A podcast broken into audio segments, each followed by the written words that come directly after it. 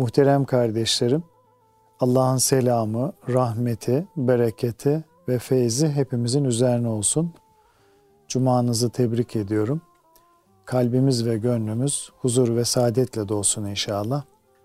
Sohbetimize teberrüken Peygamber Efendimizin, Ehli Beyt'in, Ashab-ı Kiram Hazaratının ervah-ı tayyibelerine, Peygamberler silsilesinin aziz ruhlarına, Sadat-ı Kiram Hazaratının ve şehitlerimizin ruhlarına, dinimizin, imanımızın, vatanımızın ve milletimizin muhafazasına, her türlü musibet ve iptiladan kurtulup, selamet ve afiyete vesile olması dua ve niyazıyla bir Fatiha-i Şerife, üç İhlas-ı Şerif okuyalım inşallah.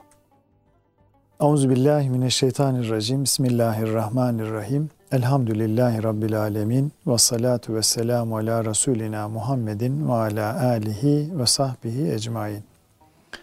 Muhterem kardeşlerim, İslam'ın hikmet ve hakikatlerinden mahrum bir insan, dünya hayatının imtihan hadiseleri içinde sürekli değişen şartlar sebebiyle ruhaniyet ve nefsaniyet arasında bocalar durur. Bu haliyle o tıpkı karanlık ve fırtınalı bir okyanustaki dümeni kırık bir gemi gibidir. Ruhunun muhtaç olduğu manevi rotayı kaybetmiş olduğundan nefsin hangi girdaplarında helak olacağı belli değildir. Hayat yolculuğunun girift koridorlarında dolaşan insanın kulluk hassasiyet ve şerefini kaybetmemesi, ebedi saadetini mahvetmemesi ve diğer taraftan da İslam'ın incelik ve zerafetini idrak edebilmesi için takip etmesi gereken yolu sırf aciz aklıyla keşfedebilmesi mümkün değildir. Bu ebediyet yolculuğunda ilahi irşat kanunlarının rehberliğine şiddetle ihtiyacı vardır.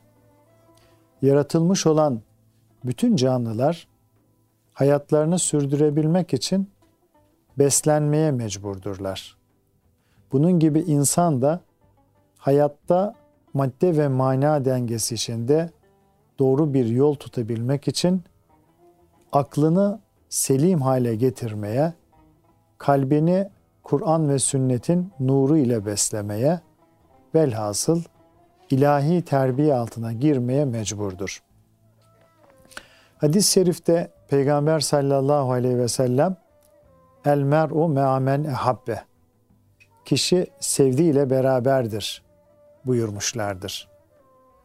Allah Resulü'nü sevmek, ona itaati ve kalbi rabıta ile beraberliği gerektirir.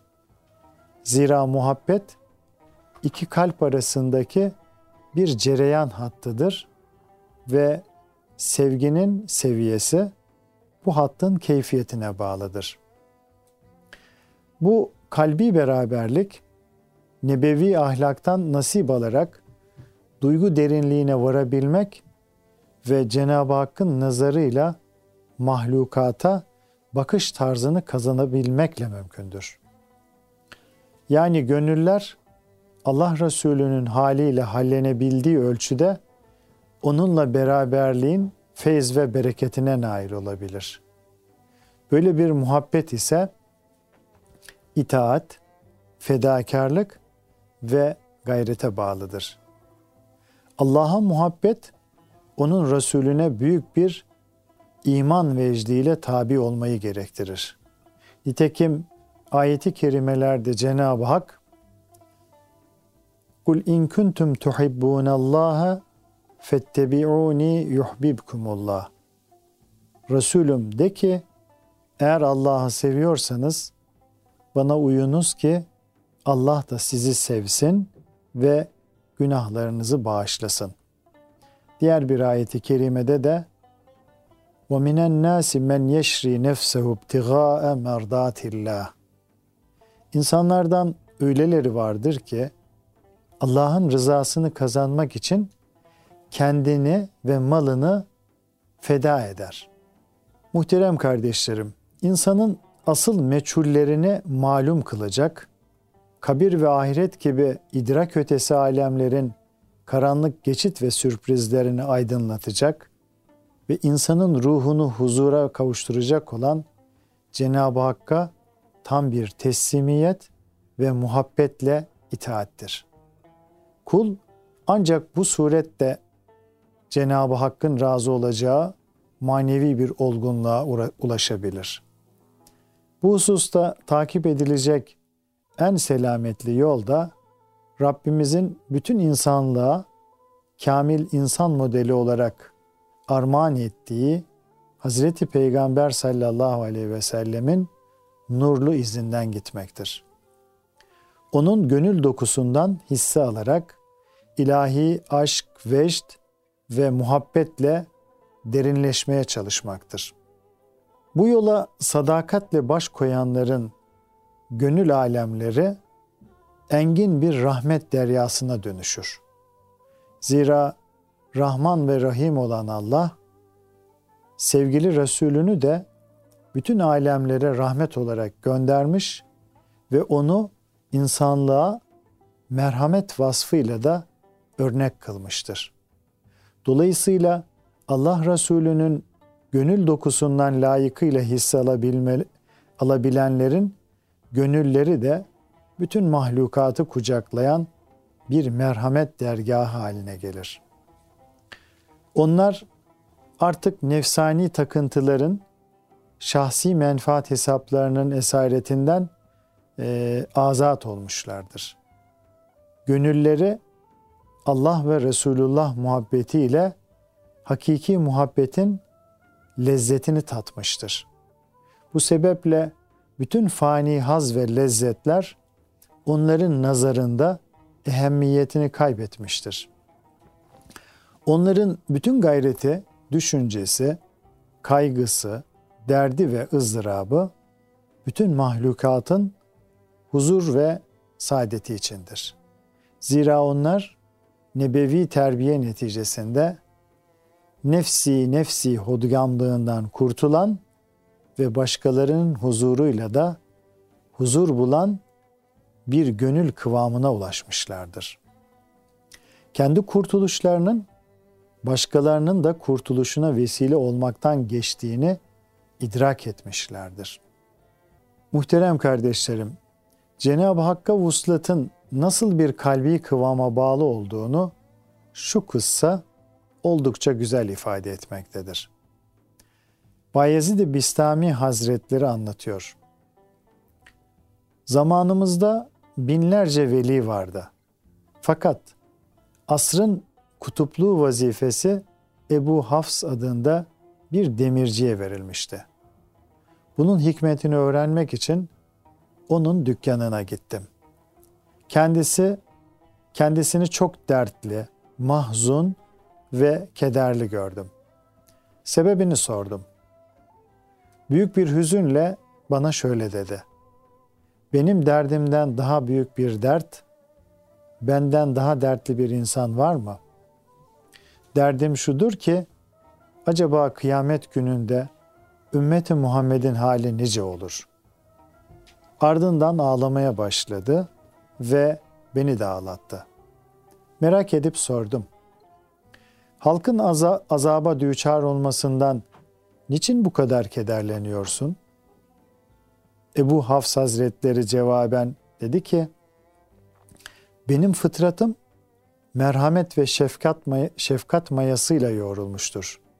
Şayet ehli gafletin bütün azabı bana yüklenip, yükletilip onlar affedilse ben bundan ziyadesiyle memnun olurum ve derdim de son bulur dedi. Bunun üzerine anladım ki Ebu Hafs Hazretleri nefsi nefsi diyenlerden değil, peygamber meşrebinde olup ümmeti ümmeti diyenlerdendir.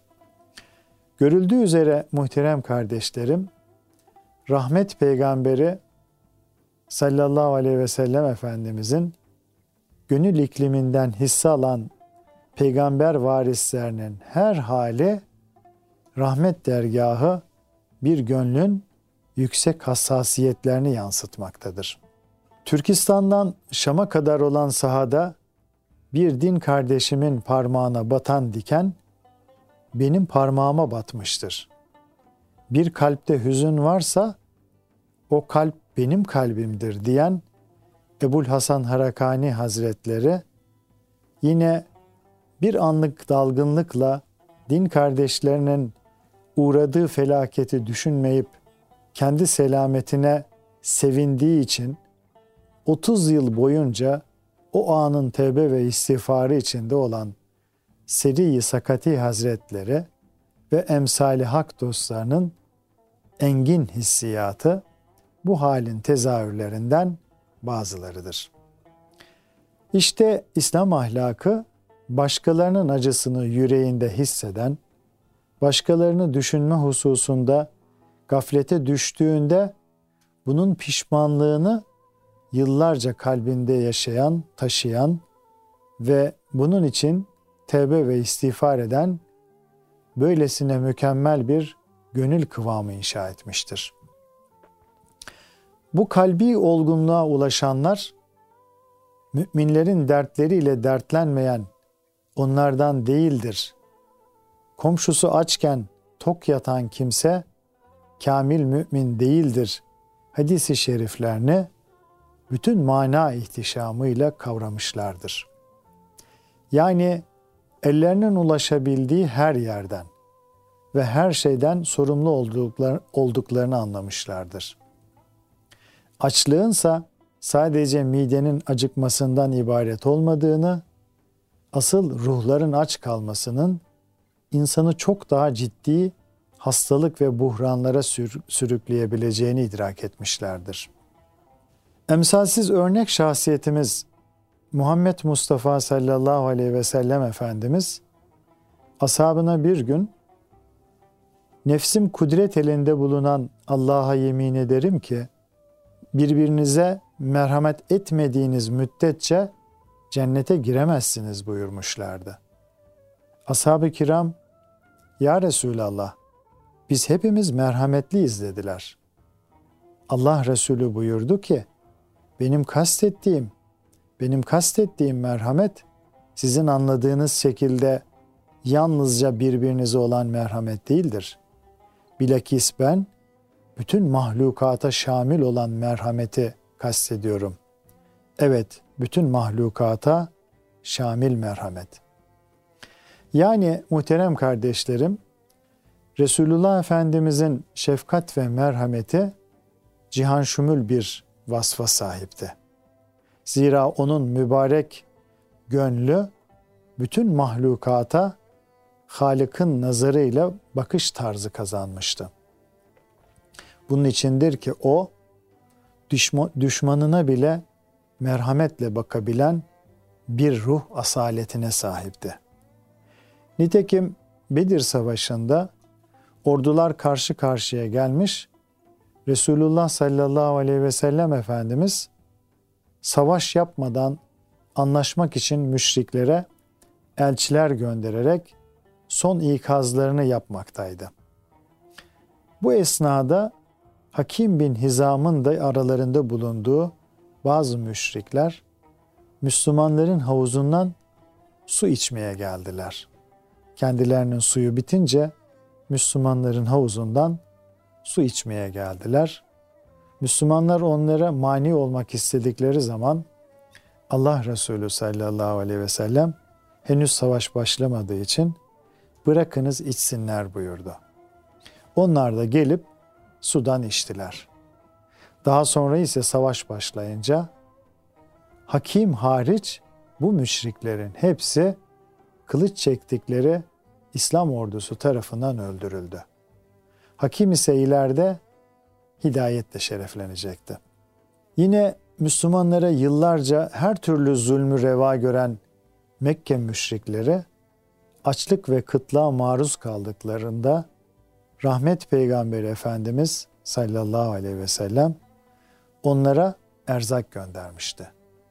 Böylece vaktiyle ambargo uygulayıp kendilerini açlıktan ölüme terk etmiş olanlara İslam'ın ne kadar yüksek bir ahlak anlayışına sahip olduğunu tebliğ etmişti. Yine Efendimiz sallallahu aleyhi ve sellem her fırsatta yaratandan ötürü yaratılanlara şefkat, merhamet, nezaket ve bilhassa gönül kırmama ve kırılmama hassasiyetini telkin ediyordu. Bu sayede kalpler inceliyor, nezaket ve zerafet zirveleşiyor, İslam'ın güler yüzünü temsil edecek bir gönül kıvamı inşa ediliyordu. Hatta Resulullah Aleyhisselatü Vesselam hayvanların bile bakım ve temizliği hususunda pek çok tavsiyelerde bulunuyor. Bilhassa koyun ve keçilerin üzerindeki kir ve tozların temizlenmesini istiyordu. Bir yılan veya zararlı bir hayvan öldürüleceği zaman öldürüleceği zaman bile ona eziyet e- edilmeden tek vuruşta öldürülmesini emrediyordu. Sahabeden Ebu Derda radıyallahu an develerine çok fazla yük vuran insanlara rastlamıştı. Deve yükün ağırlığından ayağa kalkamıyordu. Ebu Derda radıyallahu an hemen devenin üzerindeki fazlalıklar alıp hayvanı ayağa kaldırdıktan sonra sahiplerine şöyle dedi. Eğer Allah Teala hayvanlara yaptığınız eziyetleri affederse size büyük bir mağfirette bulunmuş olur. Ben Resulullah Efendimizin şöyle buyurduğunu işittim. Allah Teala bu konuşamayan hayvanlara iyi davranmanızı emrediyor. Verimli bir araziden geçiyorsanız hayvanların biraz otlamasına müsaade edin. Kurak bir yerden geçiyorsanız oradan çabuk geçin. Bu tür yerlerde fazla oyalanarak hayvanlara sıkıntı ve zarar vermeyin buyurmuştur. Yine Resulullah sallallahu aleyhi ve sellem bir koyunu sağmakta olan bir şahsa rastlamıştı. Ona ey filan hayvanı sağdığında yavrusu için de süt bırak buyurmuştu. Sevade bin Rebi radıyallahu an şu muhteşem incelik ve merhamet misalini nakleder. Peygamber Efendimizin sallallahu aleyhi ve sellemin huzuru alilerine çıkıp kendisinden bir şeyler istedim. Bana birkaç tane 3 ila 10 arasında deve, deve verilmesini söyledi. Sonra da bana şu, şu tavsiyede bulundu. Evine döndüğün zaman hane halkına söyle, hayvanlara iyi baksınlar. Yemlerini güzelce versinler. Yine onlara tırnaklarını kesmelerini emret ki hayvanları sağarken memelerini incitip yaralamasınlar.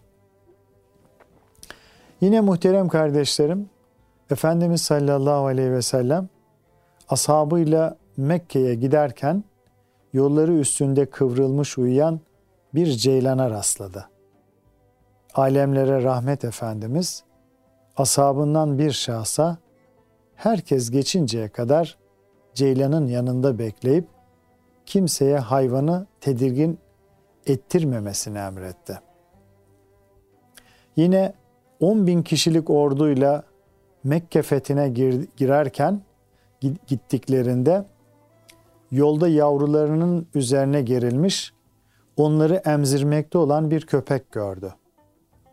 Efendimiz sallallahu aleyhi ve sellem ashabından Cuail bin Süraka radıyallahu anh'ı o köpeğin yanına e, Cuail bin Suraka radıyallahu anh'ı yanına çağırarak onu bu köpek ve yavrularının başına nöbetçi dikti. Onların İslam ordusu tarafından ürkütülmemesi hususunda tembihte bulundu. Bir ara Efendimiz sallallahu aleyhi ve sellem ateşe verilmiş bir karınca yavrusu gördü. Karınca yuvası gördü. Bu hali kabullenemedi. Karıncaların yanık yuvası onun rakik kalbini dehşete sevk etti. Büyük bir teessürle kim yaktı bunu? Ateşle azap vermek sadece ateşin Rabbine mahsustur buyurdu. Yine Peygamber Efendimiz hayvanlarına yedirmek için elindeki sopayla bir ağacın dallarına vurarak yapraklarını dökmeye çalışan bir bedeviyi görmüştü. Yanındakilere o bedeviyi hemen bana getirin. Ancak ona yumuşak davranın. Onu korkutmayın buyurdu. Bedevi yanına geldiğinde de nazik bir üslupla ey bedevi yumuşak bir şekilde ve tatlılıkla sallayarak yaprakları dök. Vurup kırarak değil buyurdu. Yaş bir dalın bile gereksiz yere kırılmasına gönlü razı olmayan Efendimiz sallallahu aleyhi ve sellem ümmetini her fırsatta ve her şeye karşı nezaket, zerafet, letafet ve merhamet merhamete davet ediyordu. Karıncayı bile incitmemeyi öğretiyordu. İşte mümin gönüllere en büyük örnek olan manevi ahlakın bereketiyledir ki bir çiçeği bile koparmaya kıyamayan, bir karıncaya bile ulu nazarla bakan rakik kalpli, nice ince düşünceli ve derin duygulu insanlar yetişti. Şu hadise de bunun çok güzel örneklerinden, misallerinden biridir. Kanuni Sultan Süleyman sarayın bahçesinde armut ağaçlarını e, kurutan karıncaların öldürülmesi için Şeyhülislam Ebu Suud Efendi'nin şu beytiyle fetva istedi. Dırahta ger ziyan etse karınca, zararı var mıdır anı kırınca? Padişahın bu fetva talebine Ebu Suud Efendi de bir beyitle şöyle cevap verdi. Yarın hakkın divanına varınca Süleyman'dan hakkın alır karınca. Bir karıncayı bile incitmekten çekinecek kadar mükemmel bir manevi terbiye ile gönülleri yoğrulan kamil müminler bütün mahlukata rahmet pınarı oldular. Şefkat ve merhametleri bütün mahlukatı kucaklayacak kadar genişledi. Gölgesi her yere ulaşan rahmet bulutları haline geldiler. Bereketli Nisan yağmurları gibi bütün mahlukatın gönül bahçelerini yeşertip ihya ettiler. Her şeye karşı güzel ahlakın incelik, nezaket ve zerafeti içinde yaşadılar. Hak dostlarından Ahmet er Rıfai Hazretleri hayvanlara karşı çok merhametliydi. Bir köpek cüzzam hastalığına yakalanmıştı. Köpeği görenler ondan tiksiniyor ve onu hiç kimse kapısına koymuyordu. Köpek bu şekilde kapılardan kovula kovula Ahmet er Rufai Hazretlerinin kapısına kadar geldi. Dermansız yara bere içindeydi. Köpeğin bu halini gören Ahmet er Rufai Hazretleri onu alıp şehrin dışında bir yere götürdü. Ona bir gölgelik yaptı. Köpeği orada tedaviye başladı. Temizledi, yarasına merhem sürüp karnını doyurdu. 40 gün bu şekilde tedavi gören köpek sıhhate kavuştu. Cüzzamdan eser kalmadı. Sonra köpeği güzelce yıkayıp şehre getirdi. Kendisine, efendim bu köpekle çok alakadar oldunuz. Acaba hikmeti nedir diye sordular.